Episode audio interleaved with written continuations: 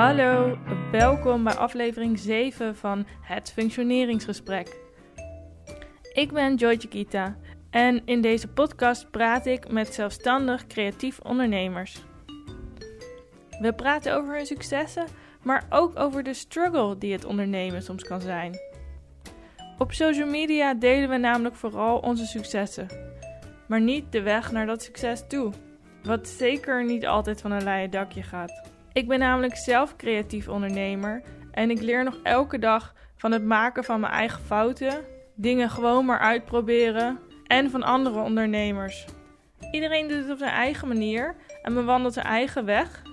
Maar die wegen van al die verschillende creatieve ondernemers hebben eigenlijk best wel veel overeenkomsten, kom ik steeds meer achter. In het gesprek van vandaag praat ik met Lotte van Galen. Lotte maakt podcasts en radiodocumentaires. Ik ken Lotte persoonlijk al een tijdje, omdat we samen een studio delen. Ik heb haar gevraagd om mee te doen, omdat ik haar werk heel tof vind wat ze maakt, maar ook omdat ze altijd over alles goed nadenkt. Lotte is heel goed in een stapje terug doen en bedenken wat ze graag wil en hoe ze daar dan naartoe moet komen en wat ze daarvoor moet doen of misschien juist voor moet laten. En dat is eigenlijk essentieel als je een bepaald doel voor ogen hebt. Dus ik zou zeggen, beginnend ondernemers, luister en neem hier een voorbeeld aan. Nou, hallo Lotte, leuk dat ik uh, je mag interviewen. Ja, ik vind het ook leuk. Het is een nieuwe ervaring voor mij. Ja, want jij bent natuurlijk zelf uh, podcastmaker. Ben je zelf ook best onderwerp van een podcast geweest? Nee, dit is een, uh, een, een primeur. Je hebt ooit op de HKU, zover ik weet, heb je audiovisuele media gestudeerd. Wist je toen al dat je dacht, nou, ik ga podcast maken en dat ga ik doen voor mijn geld? Nee, eigenlijk dacht ik daar nog niet zo aan.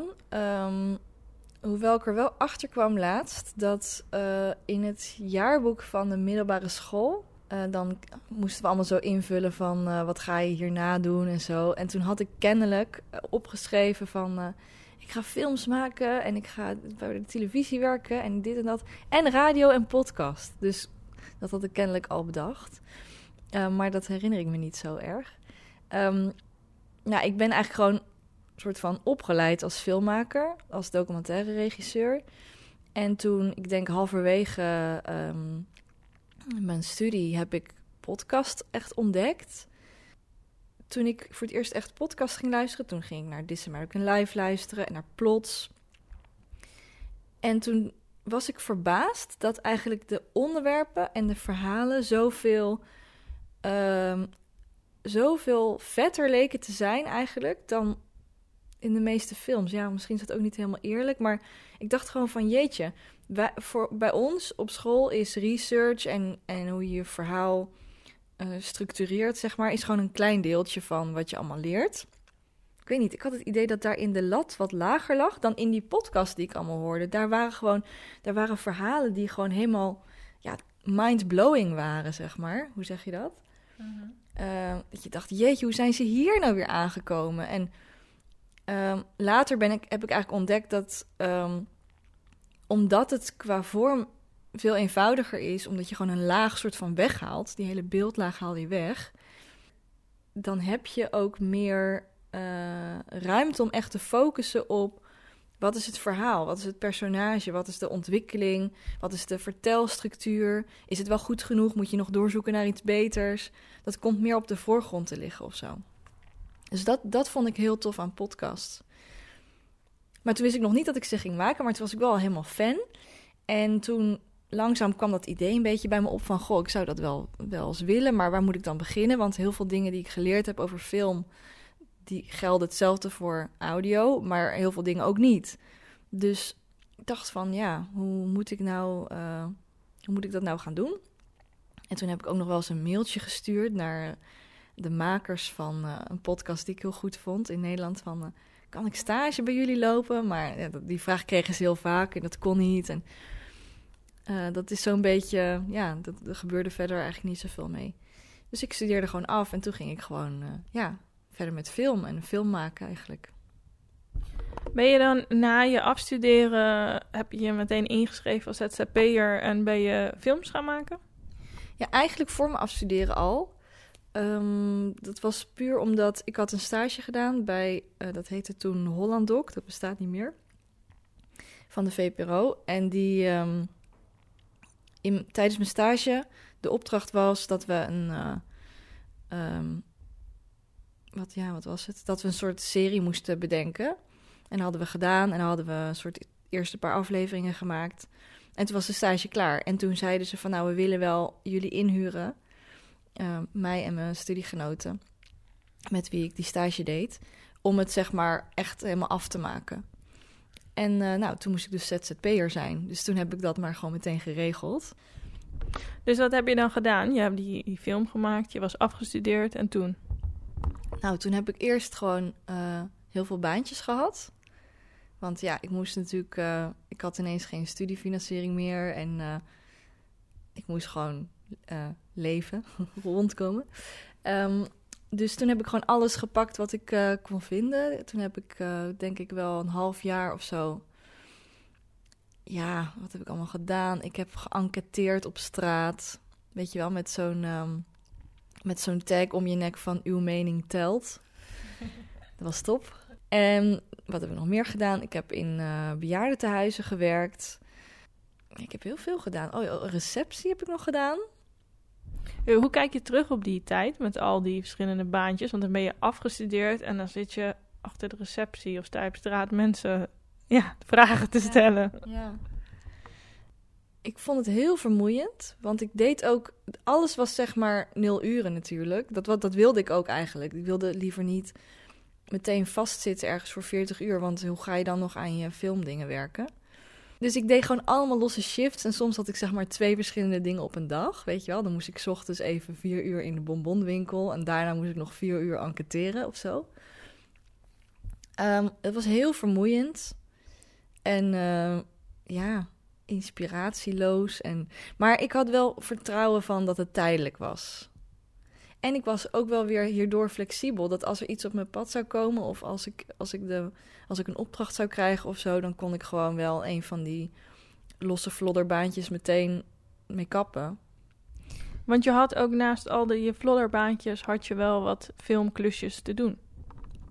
In eerste instantie nog niet, volgens mij. Dit is best wel, nou ja, lang geleden. Dit, is, dit was denk ik, dit was 2012, 2013 zo. Dus ik moet echt even goed terugdenken. Maar volgens mij was het zo dat ik in het begin geen klussen had, maar dat ik ook niet heel erg aan het acquireren was. Want ik dacht, ik wist het even niet zo goed. Ik was best wel.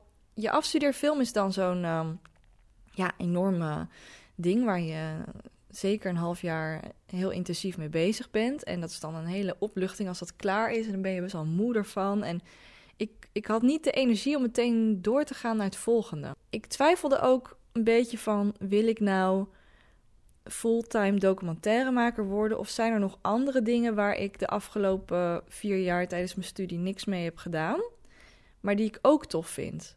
Ik was best wel jong ook toen ik, uh, ik begon op de HKU. Toen was ik echt net 18. En uh, ik, ging dat, ik ging dat doen want ik dacht, ja, het lijkt me wel tof om documentaires te maken. Maar ik wil misschien ook wel schrijven. Of ik wil misschien ook wel lesgeven die dingen zaten ook nog in mijn hoofd. En daar had ik natuurlijk vier jaar eigenlijk bijna niks mee gedaan. Dus ik dacht van nou, ik had niet het idee dat mijn levensmissie zou zijn om vanaf dat moment alleen nog maar documentaires te maken. Ik dacht, ik moet ook gaan uitzoeken of ik die andere dingen, uh, ja, of ik die ook wil of kan. Dus toen dacht ik, ik ga gewoon ervaring ook daarmee opdoen en meters maken. Dus ik ben ook gaan schrijven en ik ben gaan lesgeven. En daar kon ik natuurlijk ook niet alle twee meteen uh, betaald werk in vinden. Maar ik dacht, ik moet gewoon ervaring opdoen. Dus ik ben ook gaan schrijven voor een online magazine over film. Wat allemaal onbetaald was. En hier en daar deed ik ook wel betaalde schrijfdingetjes als dat dan mijn kant op kwam. Maar dat waren vaak ook hele saaie, saaie dingen. Uh, en bijvoorbeeld lesgeven. Uh, ik ben als vrijwilliger met het Kinderfilmfestival meegegaan ga je met kinderen allemaal uh, ja, workshops doen eigenlijk. Dus dat moest ik dan begeleiden. En uh, dacht ik, nou ga ik gewoon kijken hoe ik dat vind. Als ik de hele dag met klasjes aan bezig ben en met kinderen bezig ben. Um, dus zo heb ik gewoon ook die tijd een beetje genomen voor mezelf om uit te zoeken wat, ik eigenlijk, wat er eigenlijk nog meer was behalve film. ik vond het ook best wel intimiderend of zo. Of, nou, misschien niet intimiderend, maar... Ik had gewoon klasgenoten die zo overtuigd waren van wat ze aan het doen waren. Die hadden dan al een andere opleiding gedaan en die wisten dat ze documentairemaker wilden worden en die waren er ook heel goed in. En die kregen meteen allemaal kansen en die, die gingen echt zo doorstoten meteen na hun, uh, hun studie. En ik herkende mezelf daar gewoon niet in. Ik dacht, ja, er is nog wel meer voor mij. Of misschien dat het toch iets anders moet zijn. Of, ja. Nou ja, dat is wel heel bijzonder, want dat hebben veel mensen eh, die denken toch wel na hun studie, nou moet het gebeuren. Dus dat is wel goed dat je dat uh, zo bij jezelf gebleven bent wat dat betreft. Ja. En toen, wanneer kwam toen het eerste yes-moment dat je dacht, hé, uh, hey, dit is een leuke opdracht en ik mag hem doen? Ik had denk ik een half jaar na mijn afstuderen dus aangerommeld en allemaal uh, losse flodderbaantjes en vrijwilligersdingen om, om uit te proberen wat ik wou. En toen kwam er een producent eigenlijk naar me toe. En die zei van, uh, goh, um, ben je nu met iets bezig? Ben je nu met een film bezig? Want er is een traject, daar kan je uh, plannen indienen voor jonge makers die net zijn afgestudeerd. En als je daar een idee voor hebt, dan wil ik daar wel naar kijken samen met jou. Er kwam een producent uit het niks, uit de lucht vallen, die kwam naar jou toe. Dat, dat is ook niet zo gebruikelijk volgens mij. Maar dit was een jongen die zelf ook uh, nog helemaal beginnend was eigenlijk met zijn productiehuisje. Uh, zijn, om zijn carrière soort van te beginnen moest hij ook met uh, regisseurs gaan samenwerken waar hij wat in zag. Dus hij was ook wel een soort van actief op zoek naar mensen. En, en die leuke ideeën hadden waar hij in geloofde. Dus hij vroeg van, nou heb je ideeën? Toen ben ik na gaan denken en nou, toen kwamen we eigenlijk op een, uh, een, plan. Dat was een van mijn ideeën wat hij tof vond. Zijn we toen gaan uitwerken en hebben we samen een aanvraag ingediend um, bij het Mediafonds. Dat was in een talentontwikkelingstraject toen. Dat heette Doc 25. En uh, nou, best wel hard aan gewerkt. En toen uh, kregen we hem. Nou, dus we kregen geld om die film te maken. En dat was wel een soort heel tof gevoel. Dat ik dacht, oh nou, komt toch nu wel ergens of zo ik ga, ik ga ergens aan bouwen of ik ga echt nu iets maken. Dus dat was mijn eerste film. Maar het was ook meteen mijn laatste film. Tijdens het maken van die film eigenlijk drong al een beetje tot me door van... Ik weet niet of ik hier nou echt gelukkig van word. Ik weet niet, een film maken is niet niks. Het is zo groot iets. Je hebt heel veel dingen waar je je eigenlijk mee bezighoudt als regisseur. Dus je hebt zelf je idee bedacht en je hebt een idee over hoe je dat wil doen. Maar dan heb je een, een producent en een, en een uh, omroep die in principe jou ook verder helpen en, en zorgen dat het beter wordt. Maar dat kan ook wel heftig zijn, want die hebben ook hun eigen mening. En misschien zeggen die iets anders als elkaar, of zeggen die iets anders als wat jij denkt. Of, maar dan moet je ook wel naar luisteren. Dus nou, dat is een ding. En dan heb je uh, best wel veel geld nodig. Nou, dat krijg je dan van een fonds. Dat vond ik ook wel heftig. Van jeetje, nou moet ik dat geld, dan moet ik wel iets goeds voor maken, want het is allemaal belastinggeld. En heb je nog een crew en die moet je ook allemaal, daar ga je mee filmen. En ja, die, zijn ook, uh, die moeten ook tevreden zijn, zeg maar. Dus ik vond het heel moeilijk om daar tussen al die mensen en al die verwachtingen om daarin ook vast te houden aan mijn eigen visie. En gewoon, je moet best wel soms, je moet heel standvastig zijn. Je moet soms dingen een beetje doordrukken, maar je moet ook weer diplomatiek zijn. En ik vond het allemaal heel ingewikkeld. Het voelde alsof ik een jas aan had die te groot was voor mij. Te zwaar en te lang en sleept over de grond. En dan kan je gewoon niet lekker lopen met een jas die te groot is. En ik had niet meteen een idee voor een volgende film. Dus ik, ik ben gewoon ja, een beetje doorgegaan met klusjes doen. Ik had ook nog een bijbaan. Ik werkte in de winkel op zaterdag. En uh, ik ben wat videoklusjes gaan doen. Want als je film maakt, dan komen er altijd mensen naar je toe. Ik heb een video nodig. Want iedereen heeft video's nodig in het leven. Dus dat was op zich makkelijk. Dus dan kon ik kleine filmdingen doen. Maar daar had ik ook, die, die videoclusjes had ik ook vaak niet echt plezier in. Want ik vond het altijd stressen. Dan moet je met zo'n camera en dan moet er licht bij en geluid. En heb je allemaal mensen voor nodig. Maar je opdrachtgever kan het eigenlijk allemaal niet echt betalen. Want het, wordt, het is best wel duur. Dus dan moet je de helft zelf gaan doen. Maar ja, als je kan een regisseur of een interviewer, dat is nog wat anders dan een goede cameraman zijn. Dus ik was ook helemaal niet allround genoeg om dat zelf te doen. Dus dan zat ik te klungelen en dan vergeet je weer batterijen. Of dan Oh man, ik kreeg gewoon stress ervan altijd. Hoe ben je dan uiteindelijk terechtgekomen bij het maken van podcast? Want dat is uiteindelijk wat je nu doet. Wat ik dan vaak deed om het gewoon makkelijker te maken voor mezelf, was dat ik bijvoorbeeld uh, sommige scènes of soms bij een project deed ik dat gewoon het hele project. Koos ik voor een vorm waarbij ik een verhaal eigenlijk, of een deel van het verhaal, alleen in audio maakte. En dan beelden later erbij ging maken of laten maken. De verhalen waar ik van hou, daar, daar zitten vaak ook wel bijvoorbeeld herinneringen in die een belangrijke rol spelen. Of um, meer abstracte dingen die filosofisch zijn of die in je gedachten afspelen. En die kun je niet filmen. Die, die moet je toch uh, uitdrukken in, in woorden eigenlijk. Dus uh, voor mij was het eigenlijk een mooie oplossing om dan gewoon met een microfoon uh, langs te gaan en die verhalen op te nemen. En dan gebruikte ik dat in de montage. Dus dat deed ik altijd in mijn afstudeerfilm. En toen dacht ik op een gegeven moment van ja, wat ben ik nou eigenlijk aan het doen? Ik moet gewoon radio gaan maken. Toen ben ik begonnen. En wat was toen je eerstvolgende podcast uh, opdracht? Nou, die had ik nog niet meteen, want ik had nog geen ervaring natuurlijk eigenlijk met radio en podcast. Um, maar ik had geluk dat eh, VPRO Dorst, waarbij ik dus ook dat filmpje toen had gemaakt, die gingen een workshop organiseren voor mensen die graag wilden beginnen met podcast maken. En er werden lessen gegeven door mensen die ik heel goed vond, waar ik altijd al naar luisterde. Dus daar wilde ik heel graag aan meedoen en dat kon gelukkig. En daar kreeg ik toen uh, nou, opdrachten en oefeningen. En toen dacht ik meteen van, ja, dit is het. Dit is gewoon de jas die mijn maat is, zeg maar. Uh, dus het was heel fijn. En daar had ik Um, we kregen zo'n soort van eindopdracht in die workshop. had ik iets gemaakt en dat was meteen best wel, er werd leuk op gereageerd. Dat werd ook meteen uitgezonden en zo. Um, dus daar had ik een soort van visitekaartje mee afgegeven, zo kan je het zeggen. En um, toen werd ik eigenlijk gevraagd, dat was toen mijn eerste opdracht eigenlijk, dat ik werd gevraagd om uh, mee te doen aan een serie een nieuwe serie. Je, hebt, uh, je had in, in 2000, nou ja, een aantal jaar, je had een programma um, in Nederland dat heette Plots. En, en, dat bestaat sinds 2014 al niet meer, maar dat vond ik altijd een heel goed radioprogramma. Die makers van Plots waren ook uh, degene die die workshop gaven. En uh, die hadden toen daarna een tweede programma gemaakt, dat heette Toendra.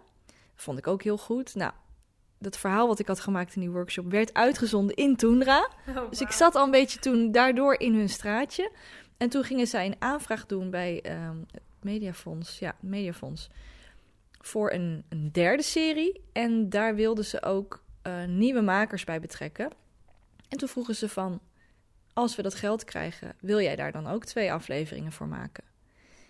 En toen zei ik natuurlijk meteen ja. Toen dacht ik, wow, wat is dit? Ik doe ik, doe, ik maak mijn eerste audioverhaaltje. Ik doe mee aan een workshop. En ik mag meteen al meedoen met mijn radiohelden, zeg maar, in hun nieuwe project. Dat was heel tof. En toen kregen ze het geld. En toen was die serie was eigenlijk mijn eerste echte radioopdracht. En toen ging het echt uh, rollen, soort van. Want ik kwam erachter dat die radiowereld, een podcastwereld, hoe je het wil noemen, altijd een beetje moeilijk met die termen, maar um, dat dat best wel een kleine wereld is. En er zijn gewoon niet heel veel makers. Dus zodra er een nieuw iemand komt die iets gedaan heeft wat tof is, dan wordt dat wel opgemerkt of zo. En dan krijg je ook meteen de kans om dingen te doen. Uh, ja, dus toen ging het eigenlijk lopen. En toen ging het lopen. Dus de opdrachten kwamen vanzelf naar je toe vanaf toen? Mm, nou, ik moet eigenlijk een onderscheid maken in, in wat ik doe. Zowel als het gaat om film als om, om radio en podcast. Tussen eigenlijk twee soorten werk. Als je um, documentaires of audioverhalen maakt voor de omroepen of films, dan zijn dat, is dat zijn niet echt opdrachten, maar dat is dan meer dat je zelf een idee hebt en dat je dat uh, pitcht, bijvoorbeeld bij een producent of bij een omroep. En als zij er dan een uitzendplek voor hebben en een budget voor hebben en ook interesse in hebben, dan mag je dat doen. Dus dat zou ik niet echt een opdracht noemen, maar dat is wel. Kun je dat soort mensen gewoon mailen als je een idee hebt voor een podcast? Ja, zijn ze heel blij mee als ze mails krijgen met ideeën. Dus ehm, als mensen, de, als luisteraars dat willen, dan moeten ze mij maar even mailen met hoe doe je dat? Uh, dan kan ik wel even tips geven. Um, maar dat noem ik dan niet echt opdrachten. Maar je hebt, ik heb wel collega's die alleen maar dat doen. Die daar zeg maar gewoon van leven. Van alleen maar hun eigen ideeën opsturen naar omroepen. En, uh, en uh, dat dan mogen uitvoeren. En als we het hebben over opdrachten, dan denk ik eigenlijk meer aan echt commerciële opdrachten voor een bedrijf iets maken. Of misschien voor een, weet ik niet, een, een culturele instelling of een school of iets. Um, en met film was het eigenlijk zo dat je hebt dan dat eigen werk, dingen die je met de omroepen doet en die je zelf moet initiëren en geld voor moet aanvragen. En daarnaast zijn opdrachten eigenlijk vrij makkelijk, want iedereen heeft video's nodig, wat ik net al zei. Dus um, soms komen mensen naar je toe. Soms kan je gewoon zeggen, weet ik veel, tegen mensen die je kent met een bedrijf of via via van, goh, hebben jullie nog een filmpje nodig? En dat loopt wel. Maar met audio was dat me in het begin nog niet zo duidelijk hoe ik daar nog in zou kunnen bijklussen. En dat wist ik niet meteen. En ondertussen, omdat ik natuurlijk daarvoor video deed, bleven er wel videodingen op een pad komen. En nam ik die ook af en toe aan. Maar ik ben echt gaan nadenken van, ja, wil ik dat nou nog wel? Want ik merkte gewoon dat, het, dat audio veel beter bij me paste. En ik dacht, dat wil ik doen. Dus slaat het dan wel ergens op als ik om bij te verdienen ergens nog met een camera ga staan. Want overal waar je met een camera gaat staan, denken mensen: oh, zij kan filmpjes maken. Oh, ik, ik heb ook, mijn tante heeft ook nog een filmpje nodig. Weet je wel, zo. Kom je daar nooit vanaf? Ja, klinkt een beetje als een luxe probleem, hè, misschien. Op een gegeven moment ging ik echt nadenken van... wat wordt nou mijn focus? Hoe, hoe wil ik het... Uh, ja, wat wil ik allemaal nog doen? Want als ik allemaal verschillende dingen doe... dan ga ik er nooit... ga ik in geen van die dingen echt goed worden. Als ik dan een website tekst schrijf voor iemand of een artikeltje. En dan weer een filmpje moet maken voor een bedrijf.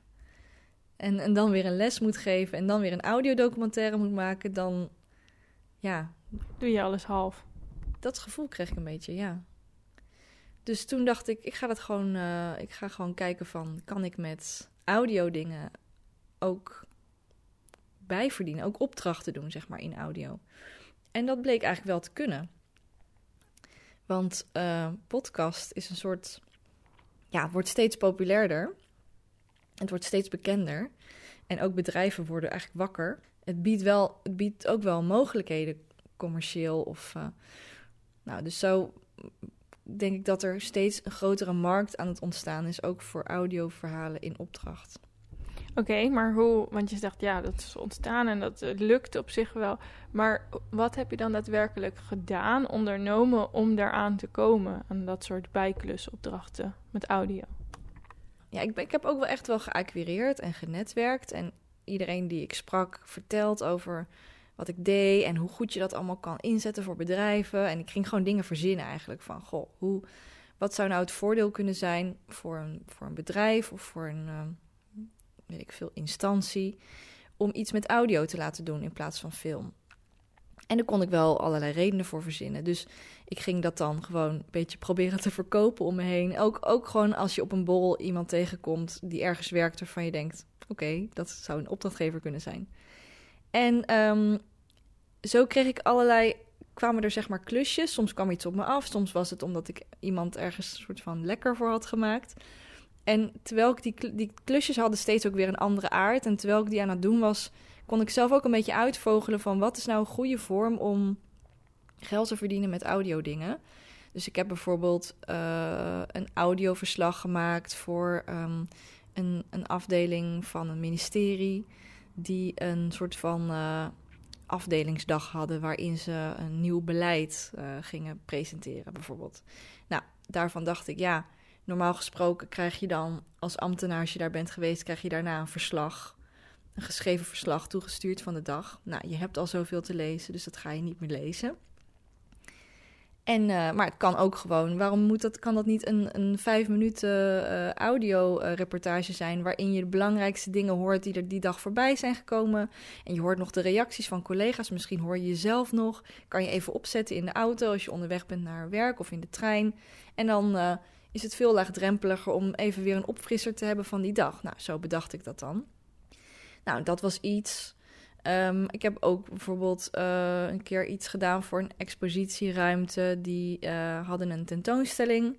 Maar daar hoorde ook bij dat ze dan uh, na aanloop van die tentoonstelling met buurtbewoners gingen praten.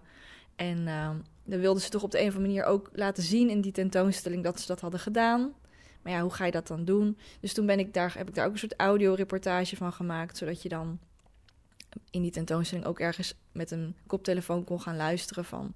Goh, wat zijn er allemaal voor dingen gebeurd? Hoe is dit tot stand gekomen? En uh, nou, zo. En het was gewoon een, eh, een beetje uitproberen. En je moet ook geluk hebben, denk ik, dat je mensen in je netwerk hebt die daar ook een risico in willen nemen. Van, goh, het is een nieuwe vorm voor ons. Audio hebben we nooit eerder gedaan, maar we willen het wel eens proberen. En ik heb best wel gebruik gemaakt van het netwerk wat ik nog had vanuit de filmdingen die ik deed. Dus um, ja, en, en eigenlijk waar ik nu een beetje op ben uitgekomen is um, dat ik uh, bij kan klussen door bijvoorbeeld um, verhalende audio dingen te maken. Bijvoorbeeld een podcast of zo. Die dan gekoppeld is aan een merk. Dat zie je nu ook steeds meer. Dus ik werk bijvoorbeeld mee aan de podcast Luisteruit. Dat is een, gewoon een leuke podcast. Helemaal geen reclameshow of zo. Met allemaal korte verhalen erin. Elke maand een nieuwe aflevering. Maar hij is van de NS. Dus dat betekent dat de NS het financiert. En dat de luisteraar gewoon een soort leuke gevoel krijgt bij de NS. Het hoort bij hun merk dat zij leuke verhalen uh, uh, bieden aan hun reizigers. Nou, dat zijn natuurlijk de leuke opdrachten. Want dan hoef je geen reclame te maken voor iets. Je hoeft geen saaie dingen uh, smeuig te maken. Je kan gewoon iets leuks maken wat je zelf ook zou willen luisteren. Maar dan wordt het gewoon betaald door een merk.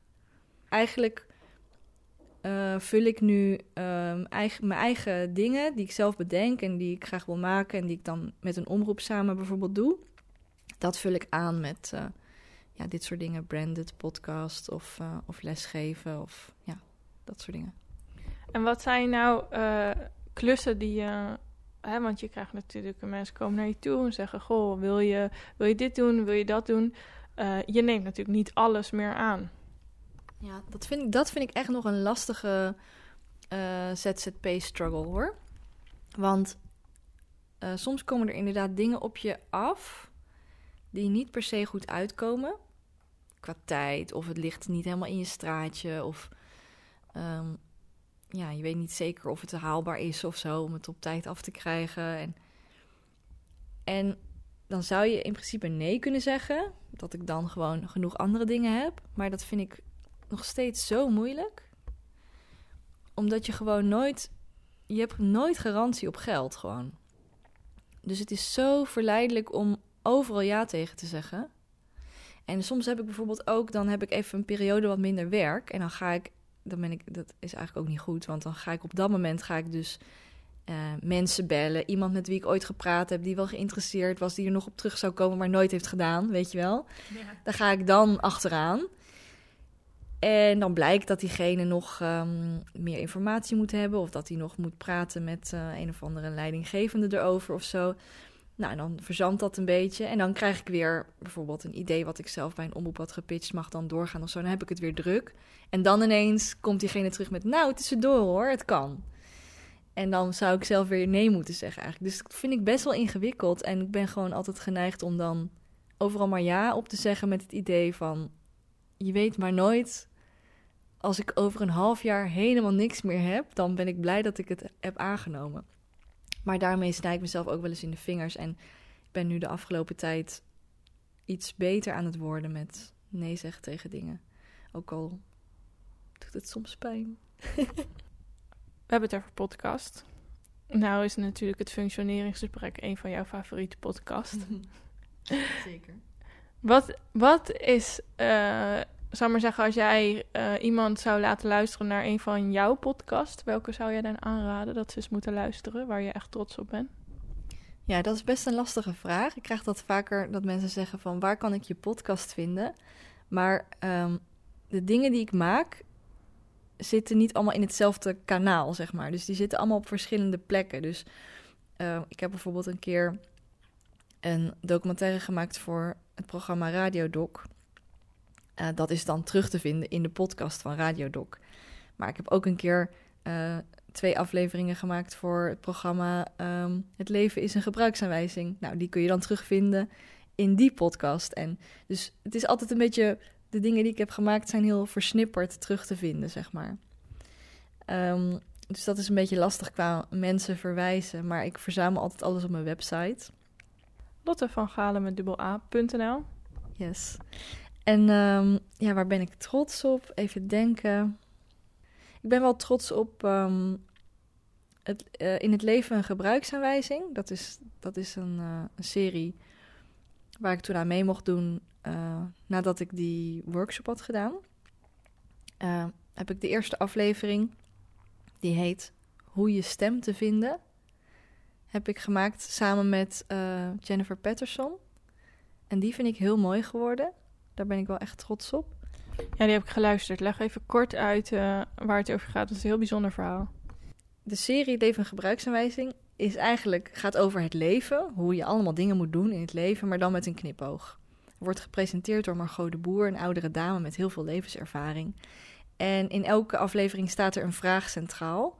En aflevering 1 is de vraag hoe je stem te vinden. Daar hoor je verhalen over verhalen van mensen voor wie hun stem iets belangrijks is. Er zit één meisje in die uh, niet zelf kan praten omdat ze spastisch is. En die is op zoek naar een computerstem die bij haar past. Heel uh, tof. En er zit een jongen in die vertelt over uh, zijn Limburgse accent. Wat, um, waar, waar, hij heel, waar, waar, hij zich voor schaamde en waar hij van af wou. En hij wou een ander soort leven. En toen is hij dat, heeft hij dat geprobeerd weg te moffelen. En waar ik ook wel trots op ben, wat, wat recenter is, dat zijn um, die afleveringen die ik voor de Lokker heb gemaakt. Omdat dat ook wel, nou, dat, gaat, dat zijn dus verhalen van jongeren over seks. En dat is best een, een onderwerp en een doelgroep waarbij het denk ik lastig is om die verhalen er goed uit te krijgen. Op een manier die gewoon herkenbaar en kwetsbaar is en eerlijk. En, uh, en ik denk dat dat heel goed gelukt is eigenlijk. Ik ben nu ook bezig met, uh, samen met Els van Driel, documentairemaker die dus de lokker heeft bedacht. Om te kijken van, kunnen we op dat onderwerp verder en kunnen we er aan de lokker een vervolg geven. Maar dan dat we echt nog dieper daarop ingaan op uh, de ervaring van jongens. Als het gaat om seks en initiatief nemen en um, consent. Zeg maar, je, je leert nu met het hele MeToo gebeuren van... ja, shit, je moet wel oppassen, want anders ben je dadelijk per ongeluk een verkrachter. Maar uh, je, leert ook dat je stoer moet zijn en niet te veel vragen moet stellen... en gewoon intuïtief moet weten wat je moet doen. En dat is best wel verwarrend voor jongens. Dus daar zijn we nu aan het kijken of we daar uh, ja, een, een langere serie eigenlijk over kunnen maken... en dieper op in kunnen gaan. Ja, ben ik erg, erg benieuwd naar. Ik uh, ga hem luisteren in ieder geval. Heb jij nog voor uh, mensen die zeggen, nou, podcast vind ik helemaal te gek, wil ik ook gaan doen. Waar moeten ze beginnen? Ik vind het altijd wel uh, leerzaam als je iets, iets gehoord hebt wat je goed vindt, om het dan gewoon nog een keer te luisteren en misschien nog een keer en echt te gaan kijken van hoe is het in elkaar gezet. En dan ja, gewoon een idee gaan, gaan insturen eigenlijk. Dus je hebt bijvoorbeeld op eh, Radio 1 heb je programma Radiodoc. Die zenden elke week een lange en een korte audiodocumentaire uit. Dus die hebben best wel veel makers en plannen nodig. En die zijn altijd ook heel blij met uh, nieuwe mensen. Dus als je een idee hebt, uh, ja, stuur het naar die redactie toe. Heb je nog voor mensen die dus uh, zeggen, nou, dit vind ik super tof. Uh, een paar podcasts die jij zegt, die zijn echt de moeite waard om te luisteren. Daar luister ik graag naar. Uh, ja. Een hele goede vind ik Heavyweight. Die is van Gimlet Media. En dat is, nou, daar ga ik niet veel over zeggen. is gewoon een hele goede podcast. Um, nou, S-Town is ook een, een hele goede Amerikaanse podcast. Een, een soort van true crime-achtig verhaal. Maar dan nog ingewikkelder. Zit ook heel mooi in elkaar. Uh, in Nederland hebben we natuurlijk uh, de serie Bob, die heel veel prijs heeft gewonnen, die ook veel mensen volgens mij al kennen. Maar als je hem nog niet kent en nog niet hebt geluisterd, ga luisteren. Het gaat over een demente vrouw die op het eind van haar leven ineens begint over een mysterieuze Bob, wat zogenaamd haar eh, geliefde zou zijn geweest, waar ze ook een kindje mee zegt te hebben. En haar dochters, die weten, hebben daar nog nooit iets van gehoord. En dat wordt eigenlijk uitgezocht van hoe zit dat nou, wat is daar gebeurd en wat gebeurt er in haar hoofd van die demente vrouw. En dan zou ik nog even, denk ik, uh, luisteruit tippen. Dat is dus de podcast van de NS waar ik aan meewerk, samen met een heleboel anderen. Nou, bedankt voor je verhaal en al je tips en uh, voor, uh, nou ja, voor toekomstige podcastmakers en uh, wat we nog allemaal kunnen luisteren. Ik vond het erg leuk om te horen. vond je het goed gaan, jouw eigen podcast waar je de hoofdrol in speelt? Ik vond het heel bijzonder om een keer de geïnterviewde te zijn in plaats van andersom. Dus dank je wel daarvoor. Nou, ik voel me vereerd dat ik het mocht doen. Nou, jullie thuis allemaal ook weer bedankt voor het luisteren. En over hopelijk twee, max drie weken is er weer een nieuw functioneringsgesprek. En dan praat ik met Janine Terlouw. Janine studeerde af met een fantastisch project waarin zij predikte or smartphone, or savior, or guide in life. Nou, ben je benieuwd waar dat over gaat? Ze zal er volgende keer van alles over vertellen. En natuurlijk over van alles waar ze nu ook mee bezig is. Vergeet ondertussen het functioneringsgesprek niet te volgen op SoundCloud. Of luister jij podcast via iTunes of een andere app? Geef ons dan een goede rating en laat een leuke comment achter, want dat helpt. En natuurlijk, sharing is caring. Tot het volgende functioneringsgesprek. Doei!